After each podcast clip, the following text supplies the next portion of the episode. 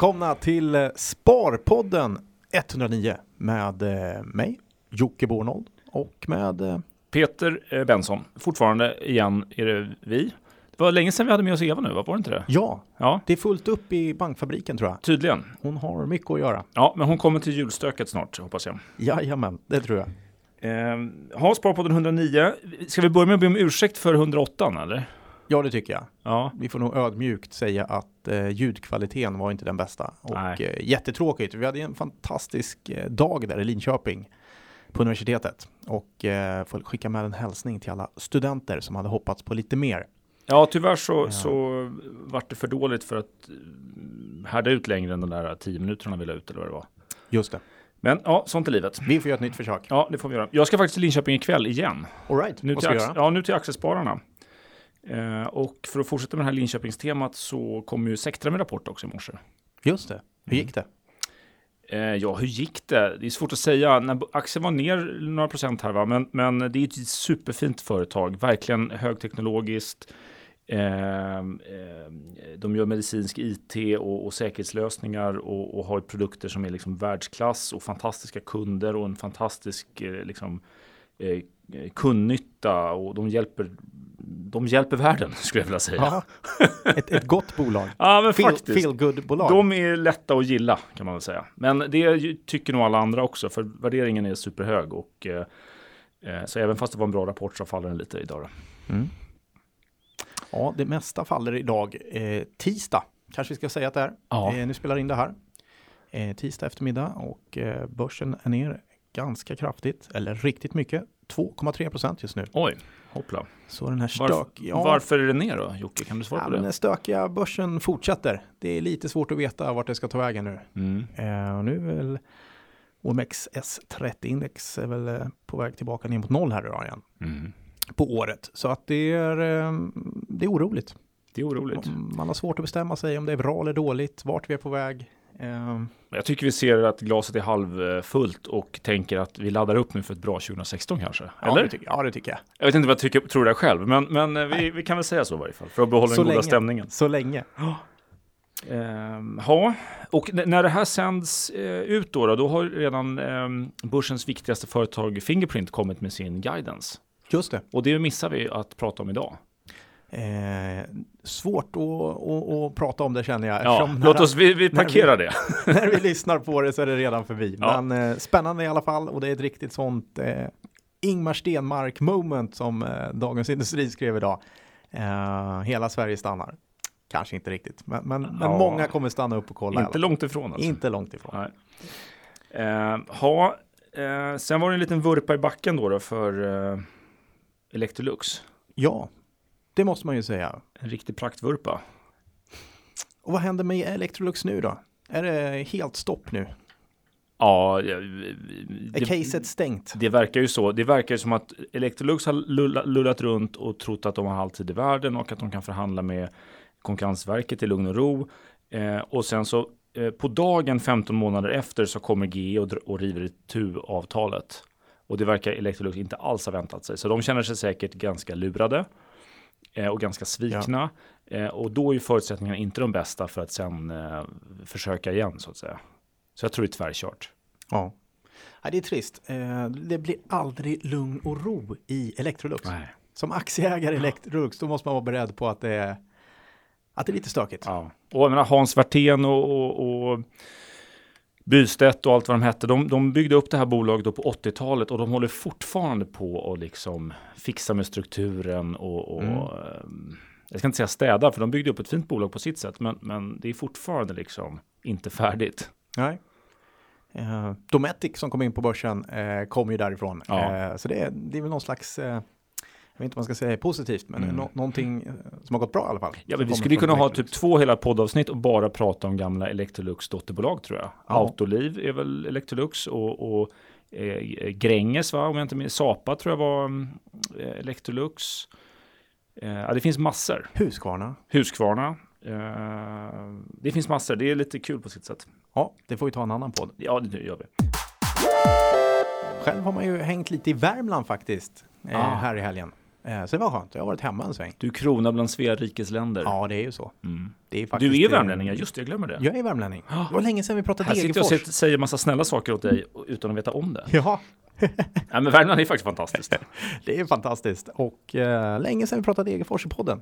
Ja, Ehm, nej, jag var hemma i Värmland i helgen då, hälsade på ett släkt och eh, kan konstatera att eh, kaffe, det dricks så sjukt mycket kaffe hemma i Värmland.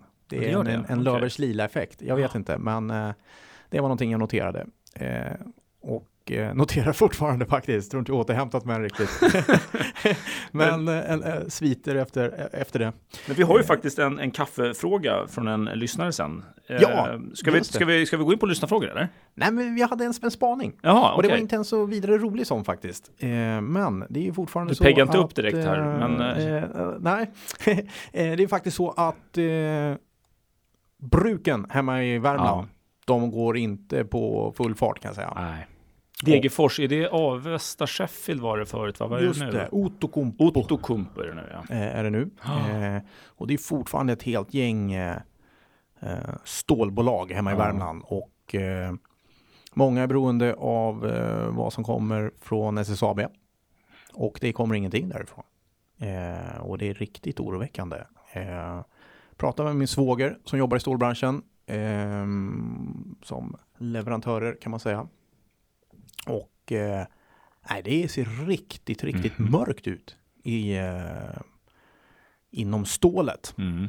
Trist. Och, Är det kineserna som spökar? Eller ja, vad? det är nog det. Så att eh, och de pratar, det blir så hands-on när man, man sitter där. De pratar liksom, nej, det kommer behöva sparka folk snart, för Ja. det här funkar inte.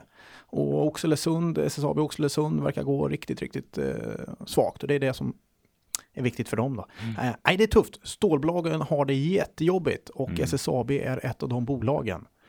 Ehm, Kina spökar. Ehm, de eh, Du pratade om SSAB för några, några Mm. avsnitt sedan va? Jag gjorde ju det och sa att jag skulle plocka upp dem på radarn. Ja. Eh, Så jag har följt upp dem lite grann. Och SSAB måste jag nog säga, det är fortfarande inte dags att plocka in dem. Jag tror inte det. Det ser riktigt becksvart ut. Det var bottennivåer Och, igår, eh, va?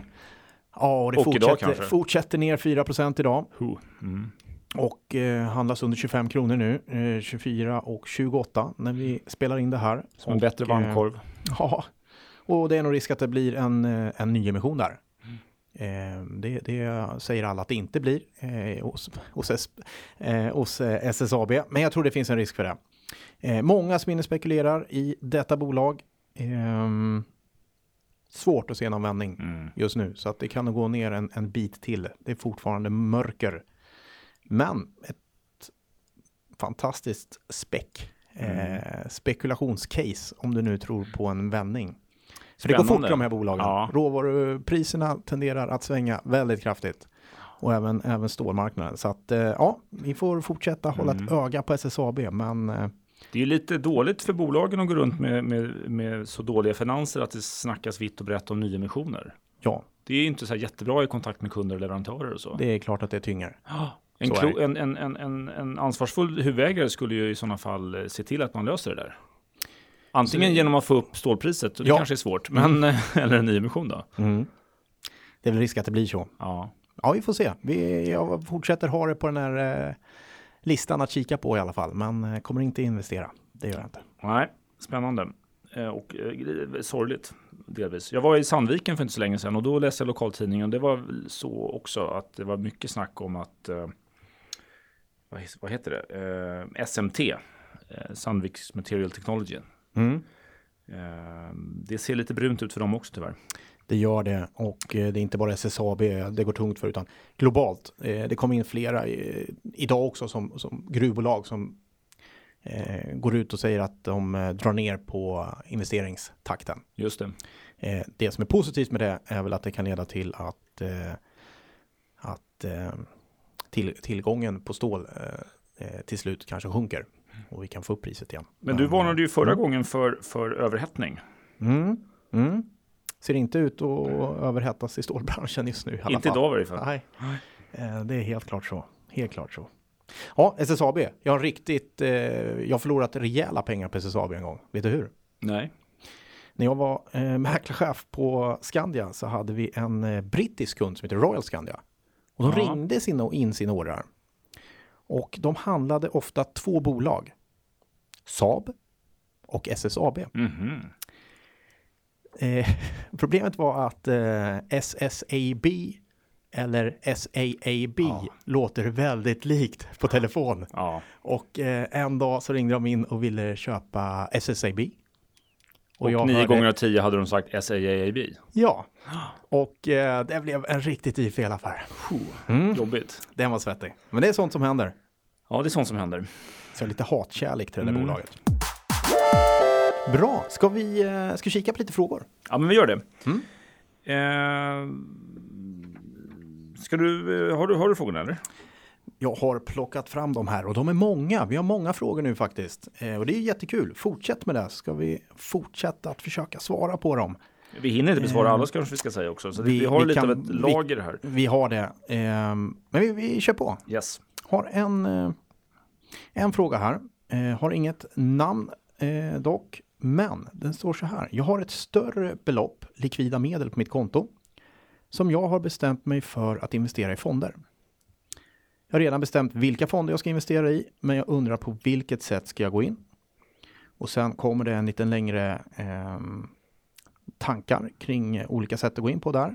Och sen eh, avslutar han med, eller hon, jag skulle verkligen uppskatta lite vägledning. Är det dumt att köra på depå istället för ISK?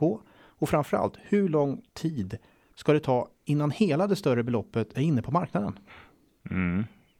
Alltså, eh, hen eh, pratar ju om dollar cost averaging, DCA, alltså att man köper för ett visst belopp varje månad för att liksom jämna ut.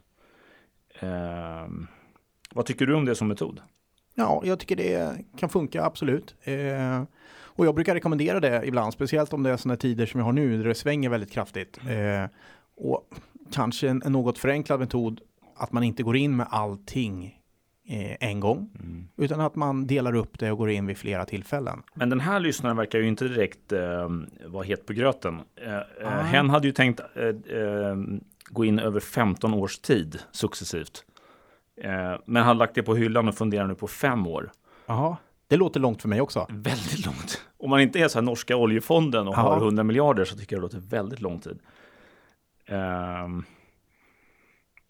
ja, ja, Vad tycker du? det beror lite på vad det är för slags pengar så att säga. Ska de användas för någonting eller är det bara eh, eh, familjesilvret som ska, som ska förvaltas liksom? Eh, då kan man möjligen ha sådana här långa perioder. Eller, då kan man tänka lite annorlunda. Ja. Eh, jag skulle inte ha tålamod och, och ta, göra det över längre än två år kan jag säga.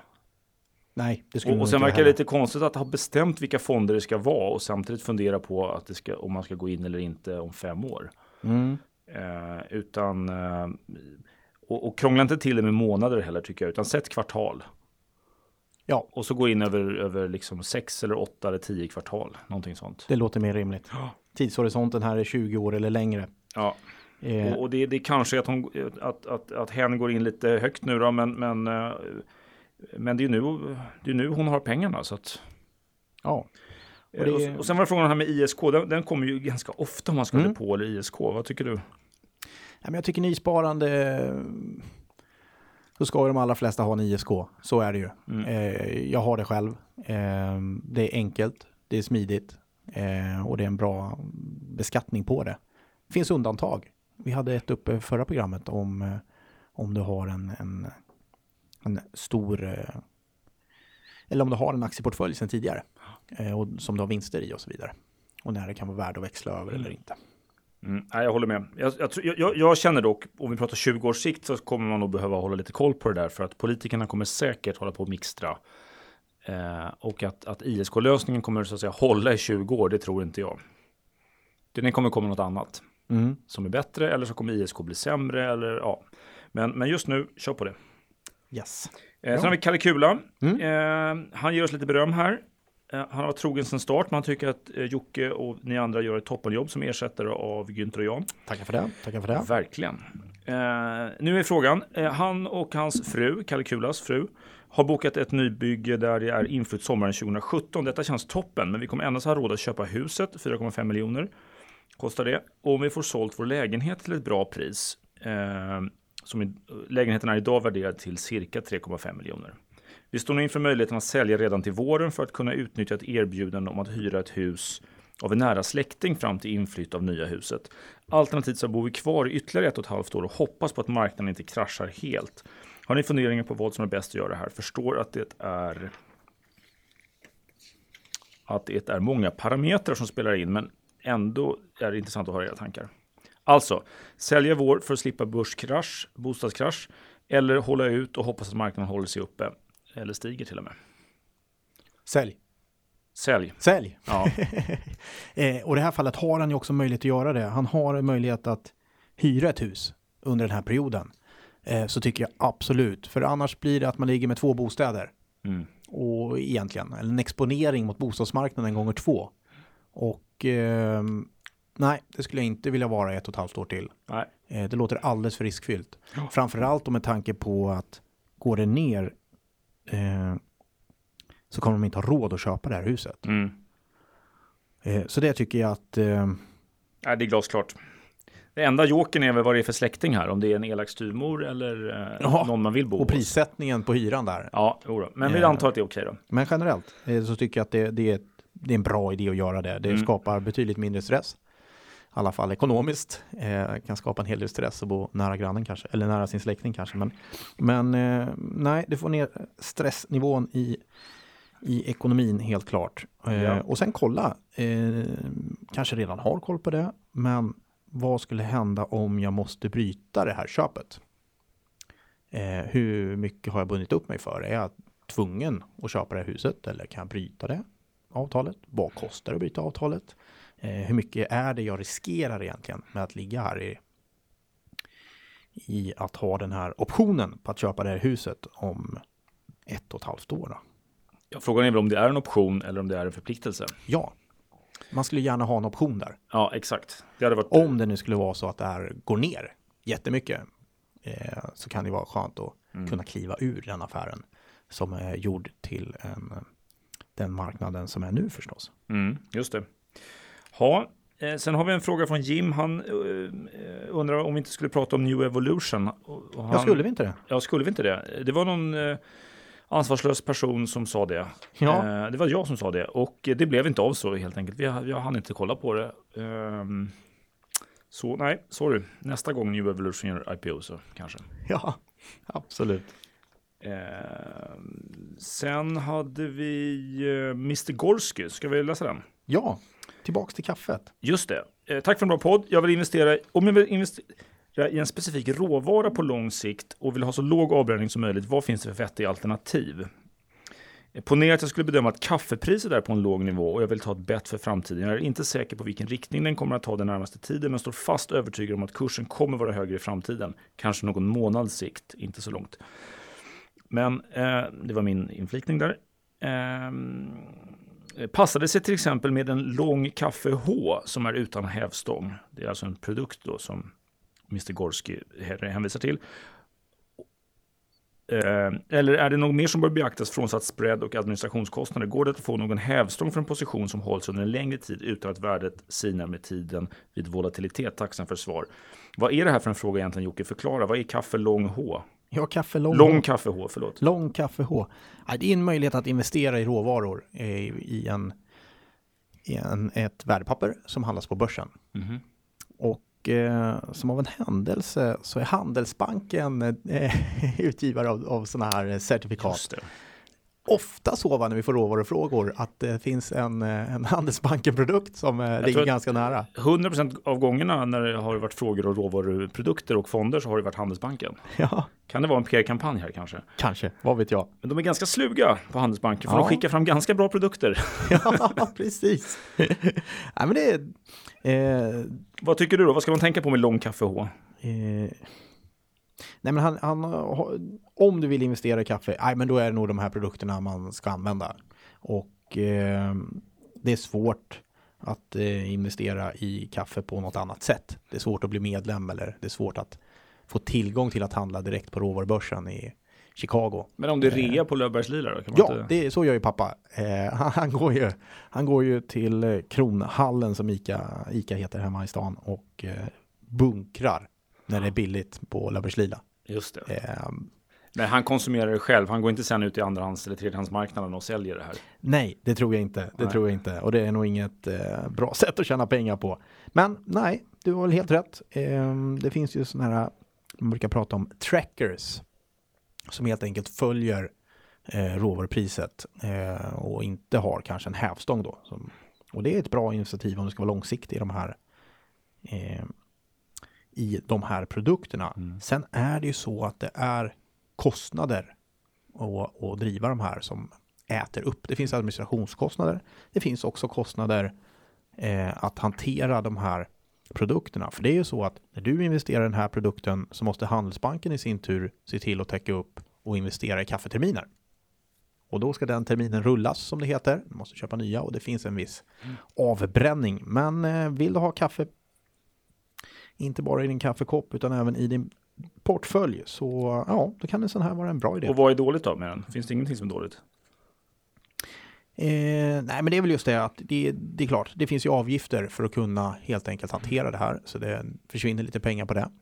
Eh, nej, sen är det gäller att hålla koll. Det är som alltid, du förstår vad du köper. Mm. Eh, det här handlar om att förstå vad produkten är för någonting och sen förstå hur kaffe fungerar och världsmarknaden för kaffe fungerar. Det har jag ingen aning om. Men det är möjligtvis att Mr. Gorski har järnkoll på det. Och då skulle det här kunna vara ett alternativ. Ja, Jag skulle vara lite orolig för att den kan vara illikvid och sen så det är väl inget problem just med Handelsbanken, men med vissa andra produkter så måste man tänka två gånger kring vem det är som emitterar, om det är någon som man tror kommer finnas kvar eller om det finns en konkursrisk. Ja, Emittenten kan ju, man tar ju risk på emittenten också. ja det gör man. Eh, dels i värdet på, på produkten eh, är kopplad till emittenten. Eh, men också prissättningen eller likviditeten som du säger. Priserna i marknaden sätts ju också av den. Så att, eh, ja, viktigt att en bra emittent där. Mm. Ja, spännande. Kaffe, det är något för dig Peter att investera i kanske. Jag tittade lite i den broschyren här. De har också spännande grejer. Man kan gå lång, lång gris, H till Ja. exempel. Eh, lång socker, lång boskap eller short boskap. Short plåt finns också. Om man vill hedga Plåt? sin... Ja, short plåt finns om man vill hedga sin... eh, SSAB. Nej, det är platina, förlåt. Ja, det var inte SSAB. det var platina, okej. det där, är, det där är risk. Nu drar vi den storyn. Den är lite elak, men eh, alla lär vi oss av våra misstag. Jag såg en kille på Twitter som skrev in till eh, vår eh, kära konkurrent här på Nordnet, Avanza. Och var sjukt arg därför att hans Palladium eh, Palladium-investering följde inte Palladiumpriset. Inte alls. Det fanns ingen korrelation alls. Tyckte det var katastrof. Det var, Ja, just, en sån här, det var just en sån här produkt. Ja. Och ehm, får ett svar från Avanza, låter konstigt. Kan du skicka in vad produkten heter? Eh, vilket han gjorde. Eh, svaret dröjde inte så länge. Eh, utan eh, han, han fick från, svaret blev det är inte Palladium, du har investerat i Paypal. Ah, okej. Den är lite tråkig. Ja, Ehm, så, det gäller att ha tungan rätt mun och se till att man köper eh, rätt saker och innan man gormar för hårt och är för arg så kolla upp vad du egentligen har köpt. Ja, men det är kul att det finns så mycket att välja mellan. Ja. Paypal till Palladium. Jag tror du skulle säga Pallium eller något där. Eh, Jag såg för övrigt att, att Claes Hemberg, vår, din kära konkurrent, han sågade det, det bolaget som jag tecknade lite aktier i, som vi pratade om förra podden. Vi nämnde inte när vi namn, men vi, vi pratade om att man tecknar konstiga nyemissioner i det här marknadsklimatet. Just det. Och du tecknade lite på volley. Jag tecknade lite bolag. på volley, det kändes inte alls bra, men det kändes ganska bra i morse när, när den här äh, lilla aktien steg. Den var faktiskt upp 100% på morgonen. Helt rubbat. Är du kvar i aktien? Nej, nej, självklart inte. Jag sålde direkt. Ja. Jag, jag, jag, jag missade toppen, jag fick bara 85% avkastning tror jag. All right. Eh, Men det får man väl vara nöjd med. Men Claes var väldigt upprörd över det här, oklart varför. Ja. Han blandade också- ihop det med Betsson också, vilket kanske var lite olyckligt. Ja, Det är skillnad på dataspel och eh, vadslagning. ja, lite. Eh, apropå Paypal och Palladium. Och... Den här spelbranschen eh, Ja. tenderar att bli eh, ganska ihopmixad mellan bolag som producerar dataspel och annat och bolag som eh, jobbar med spel och dobbel. Nej, vi får hitta på någon bra eh, namn så vi kan skilja på de där två. Ja, Det blir lite stökigt. eh, det skulle hjälpa Claes och oss andra också tror jag. Eh, Yes. Jag har en fråga till dig här. Ja, Eh, kör. det står så här. Johan, hej, tack för bra matlagningsunderhållning. Eh, varsågod antar jag. Eller? Ja, jag har ingen aning. Nej, jag vet Fortsätt. inte heller. Jag jobbar på FMV, det vill säga en av våra kunder är Saab.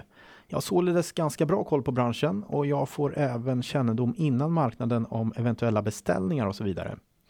Jag tog examen i somras så mitt sparkonto är inget man skryter med. Däremot sparar jag idag i småsummor. Min fråga till er är följande. Ponera att jag vill investera i Saab. Finns det någon köp-säljsumma som gör mig till insider? Eller måste jag vid köp-sälj anmäla detta även om jag enbart har automatiskt månadsspar om 100 kronor i månaden? Om jag måste anmäla, hur gör jag det? Mm. Ja, eh, Eh, Johan jobbar ju då på FMV och, och hade han jobbat på Saab i hög befattning då hade han kunnat vara en så kallad insider eller insynsperson som måste eh, anmäla till FI. Men det är ju inte fallet här. Eh, om Johan hade mycket pengar och köpte sig 5% av aktierna i Saab då skulle han också behöva anmäla det. Eh, han skulle behöva flagga, men det kostar några miljarder så det är inte det han undrar över. Så att han har ingen anmälningsskyldighet och då är frågan eh, får han köpa lite aktier i Saab fastän han vet saker som marknaden inte vet? Eh, och det kan ju då potentiellt vara olovlig insiderinformation och då är det ett brott eh, som åklagaren kommer titta på och du kan bli straffad eh, om du har gjort fel. Och där är det helt svart eller vitt. Du, antingen gör du rätt eller så gör du fel. Det finns liksom ingen så här, det var bara 100 kronor. Nej. Eh, så att, så att antingen så, så bryter du mot lagen eller så gör du inte det. Det finns inga mittemellan och inga beloppsgränser. Ehm, jag skulle tippa att det är så att vissa av de grejerna som Johan vet via sitt arbete på FMV, de är absolut inte eh, insiderinformation på det sättet. Om det är en liten order från, från alla vet att FMV är Saabs största kund. Det ligger i sakens natur att det kommer komma beställningar hela tiden. Eh, och om de där beställningarna är, är små och av vanlig natur och inte pressreleasas av Saab, då har ju Saab själva inte bestämt att det där är, är, är stort nog så att säga. Just det. Ehm, så, att, det- så att det finns ju en, en stor om säger, gråzon mellan att ha väldigt bra koll på ett bolag till att ha så bra koll att det faktiskt är insiderinformation. Och det är inte alldeles lätt att veta var den gränsen går. Nej. Eh, Och Men det, har- det kloka kanske skulle vara att inte just månadsspara i precis Saab i hans Ja, fall. Det verkar Det är lite nog min, onödigt. mitt råd här också att eh, Johan, håll dig därifrån helt enkelt. Ja, Det, eller, eller köp lite Saab-aktier, men gör det någon gång när du vet mer att du inte sitter på något extra känsligt. ja, Det kan han göra. Det är väl kul att liksom eh, vara delägare i, i, i sitt arbete indirekt. ja, men han ska nog höra, höra av sig till sin arbetsgivare och stämma av. Kolla. Ja, det ska han nog göra. Så stäm av med din eh, HR-avdelning, Ja. personalavdelningen. Men då är det en arbetsgivarfråga. Det är liksom inte en en investerings... Eller... Nej, det är en arbetsgivarfråga. Ja. Om man tar, eh, tar det från det hållet. Det kan vara så att du får inte äga aktier Så i kunder. Eh, Sådana regler Mm. har jag säkert eh, har jag haft i alla fall. Eh, Mm. till exempel på Nasdaq fick man inte göra det. Om kunden var för stor. Eh, och så vidare. Eh, så stäm av det först. Eh, och då har man det klart. Då kan man säga det. Ja, men jag stämde av med Just det. HR-avdelningen. Mm. Eh, och det är väl ett bra råd för er alla där som funderar på att investera i bolag som ni eh, kanske via ert arbete har en kundrelation till eller så vidare. Stäm av med HR så de är medvetna om det så behöver det inte bli nå, något eh, trassel efteråt. Mm. Ja, Om men det för undvikande av missförstånd, bara för att HR har sagt ja så betyder det inte att det är okej. För att om HR har sagt ja eh, och du har reda på information som är marknadsdrivande, då får du absolut inte köpa. Nej, Så gå inte i den så är, det. fällan. så är det. Tro inte att du Det kan så säga, göra. fråga mamma om lov och sen så gör du någonting olagligt. För Nej, det så, är- så funkar det inte. Så funkar det inte. Det är korrekt. Ha, hade du några fler frågor Jocke? Ja, men visst hade jag det. Eh, vi ska se. Vi har en fråga här om. Och det hade jag faktiskt heller. Oh, oraklet på Sharewill har kommit in med en fråga. Och den är så här. Hej Sparpodden. Man brukar säga att börsen stiger med i snitt 7-8 procent per år. Hur kommer det sig då att tillväxten bara är några enstaka procent?